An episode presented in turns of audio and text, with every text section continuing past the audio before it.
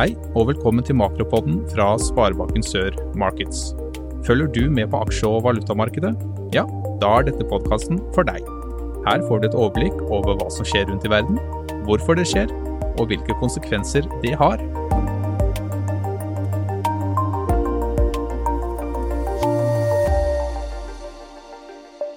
Da sier vi vel møtt til Sparebanken Sørs makropod. Nå er vi kommet til september, og eh, i dag skal vi høre i makropodden at det fortsatt er hard kamp for å få ned inflasjonen. Eh, hvor renten skal gå de neste månedene, det er kanskje det store spørsmål for veldig, veldig mange rundt om, både i Norge og ellers i verden. Klarer sentralbankene å få ned inflasjonen, og blir det en hard landing, blir det en myk landing, eller lander vi ikke før langt ut i 2024? Det er et stort spørsmål. Økonomiene ser ut til å være sterke, det ser ut som de har tålt renteøkningene i veldig stor grad, men samtidig så begynner vi å nå se at veksten er i ferd med å avta.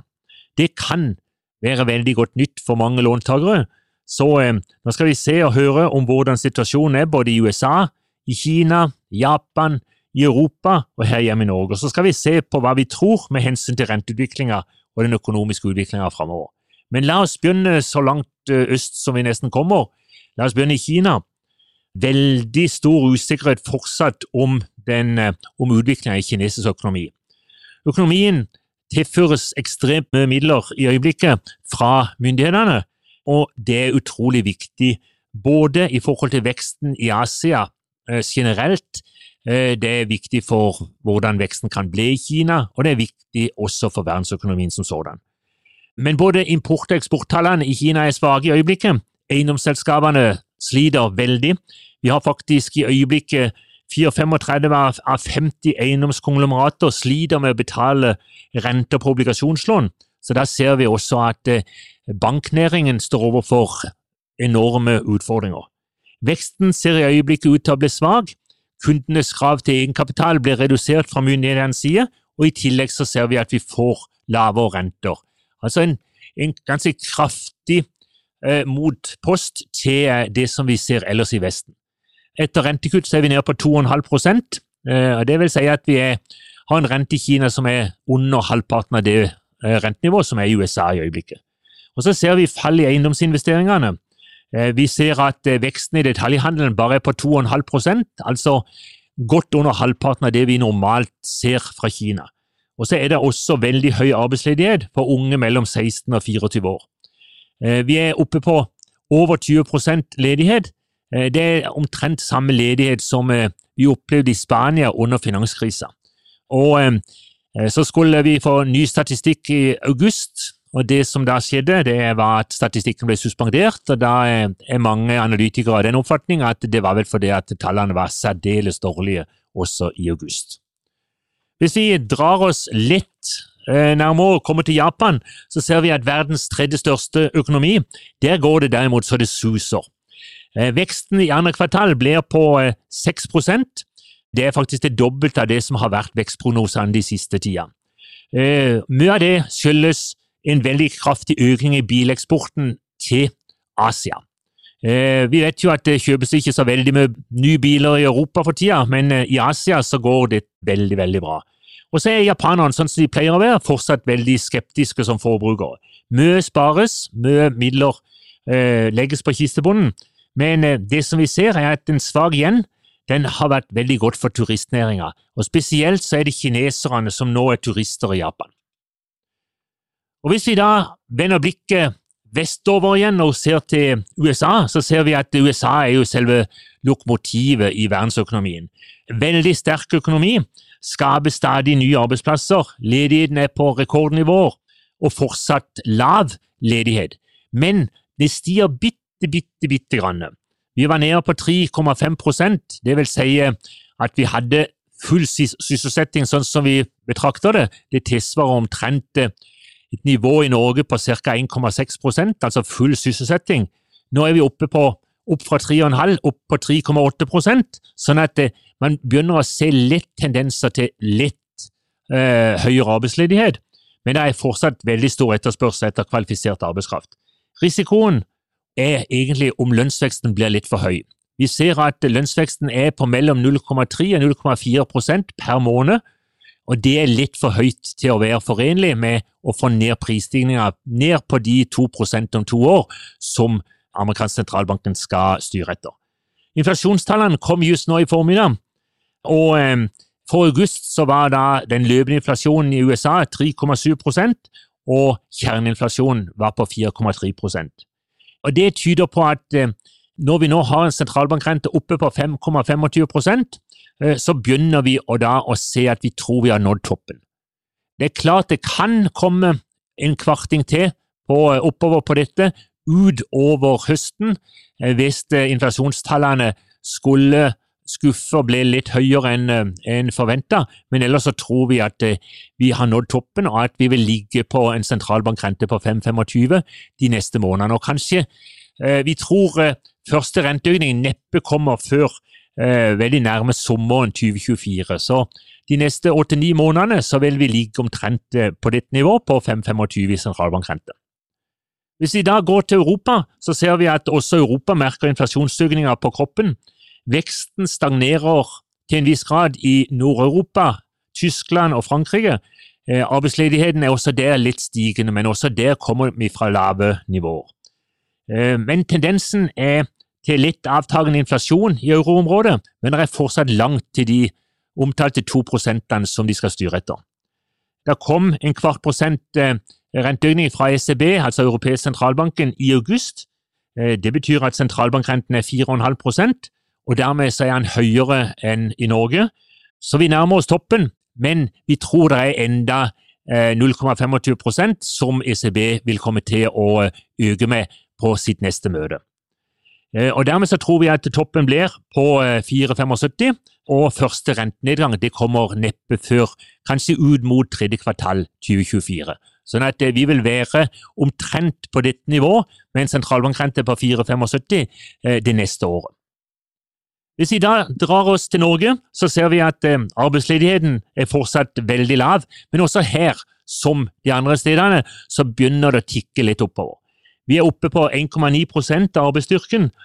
Augusttallene når det gjaldt inflasjonen, var eh, sånn rimelig greie. Eh, vi hadde en, en eh, løpende inflasjon på 4,8% vi hadde en kjerneinflasjon på 6,3% og det var først og fremst fall i strømprisene, spesielt i sentrale strøk som Oslo og Bergen, som da hjalp eh, konsumprisen nedover. Matvareprisene er noe av det som har stiget mest de siste tolv månedene, over 9% nesten 10% som da har vært med på å dra opp konsumprisene. Husleia økes også nå pga. at rentekomponenten kommer inn. Så selv om det ser ut som veksten er god i norsk økonomi, så ser det eh, ut som renteøkningene begynner å bite litt. Eh, og Det så vi også gjennom siste regionalt nettverk, som forventer at eh, veksten blir lavere framover. Så Norges Bank leverte jo en halv prosent i juni, så fortsatte de med 0,25 i august. Og så tror vi nokså sikkert at de kommer til å slå til med også 0,25 i september på sitt møte. da. Så Eh, de fleste tror nå eh, at eh, vi topper ut på 4,25 fra sentralbanken, og at rentebanen blir omtrent den samme nå på septembermøtet som det de hadde i junimøtet. Så ser vi at oljeprisen begynner å tikke stadig vekk oppover. Vi har nå en oljepris på 92 dollar. Generelt godt trøkk i verdensøkonomien kombinert med kutt fra Saudi-Arabia drar opp oljeprisen. Og vi ser at vi har kommet opp eh, over 10 dollar siden sommeren, eh, og vi ser at vi begynner å nærme oss 100 eh, dollar, som vi da kanskje tror vi kan komme til å se i løpet av høsten. Utfordringene i Kina er viktige, viktige med i forhold til etterspørselen etter olje framover, og så blir det spennende hvordan veksten i verdensøkonomien kommer til å være de neste månedene. Det som vi nå skal se, det er det at med en oljepris på 92,5 dollar og en valutakurs på 10,70 målt mot dollar norske, så tilsvarer dette nesten 1000 kroner. Og eh, det kan være at vi i løpet av september og oktober kommer til å oppleve at eh, et fat med olje eh, koster faktisk over 1000 norske kroner. Det vil være første gangen i historien. Og Vi ser at handelsoverskuddet, selv om vi tjener masse penger i Norge, og sånn, så er det ca. halvert fra stjerneåret 2022. I 2022 så tjente eh, Norge og hadde et overskudd på handelsbalansen på 1575 milliarder, altså enormt, eh, enorme tall. Det vil si ca. 130 milliarder per måned i overskudd. Eh, nå er det ca. halvert. Vi opererer med litt over 60 milliarder per måned. Selv det er ca. 50 høyere enn det, de overskuddene som vi hadde i 2021. Så eh, det går bra med Norge, og mye av det skyldes først og fremst eh, salg av olje og gass.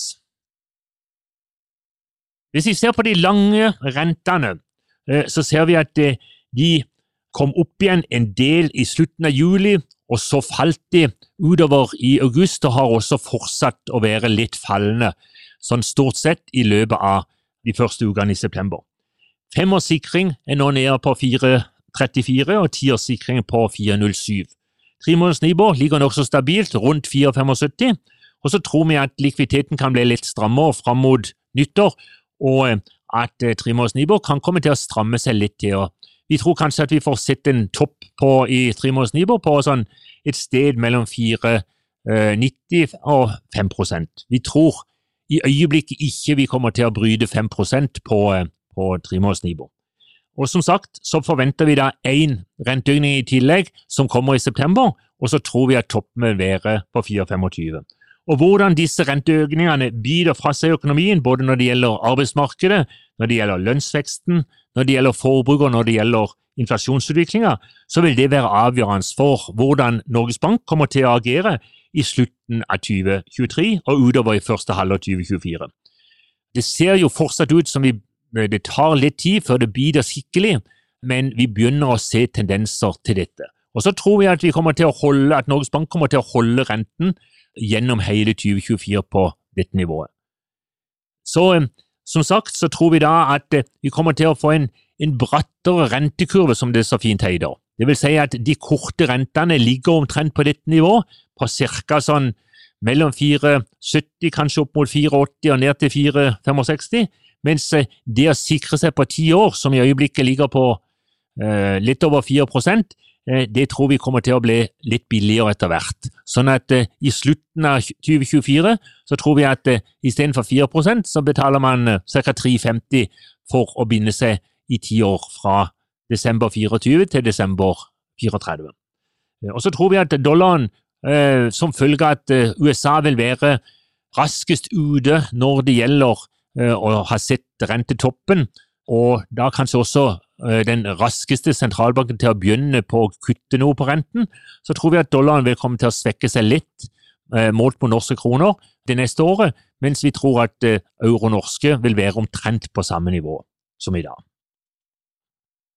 Det var det meste fra Makropodden denne gangen, september-utgaven av Makropodden. Og i dag så hørte vi at det fortsatt er, om at det fortsatt er inflasjon og renter som rir de fleste markedene. Inflasjonen kommer nedover, fortsatt er det langt igjen til nivået som tilsvarer sentralbankens mandat på 2% om to år.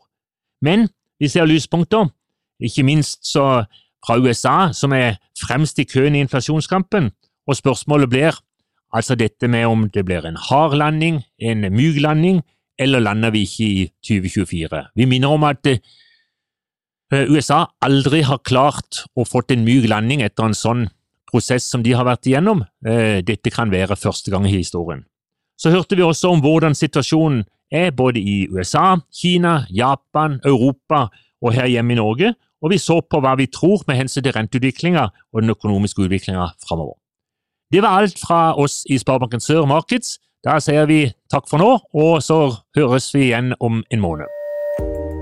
Du lyttet nettopp til Makropodden fra Sparebanken Sør Markets. Hver måned vil vi gi deg innsikt i hva som skjer i verden, samt hvordan det påvirker økonomien vår. Flere episoder finner du på sol.no slash makro.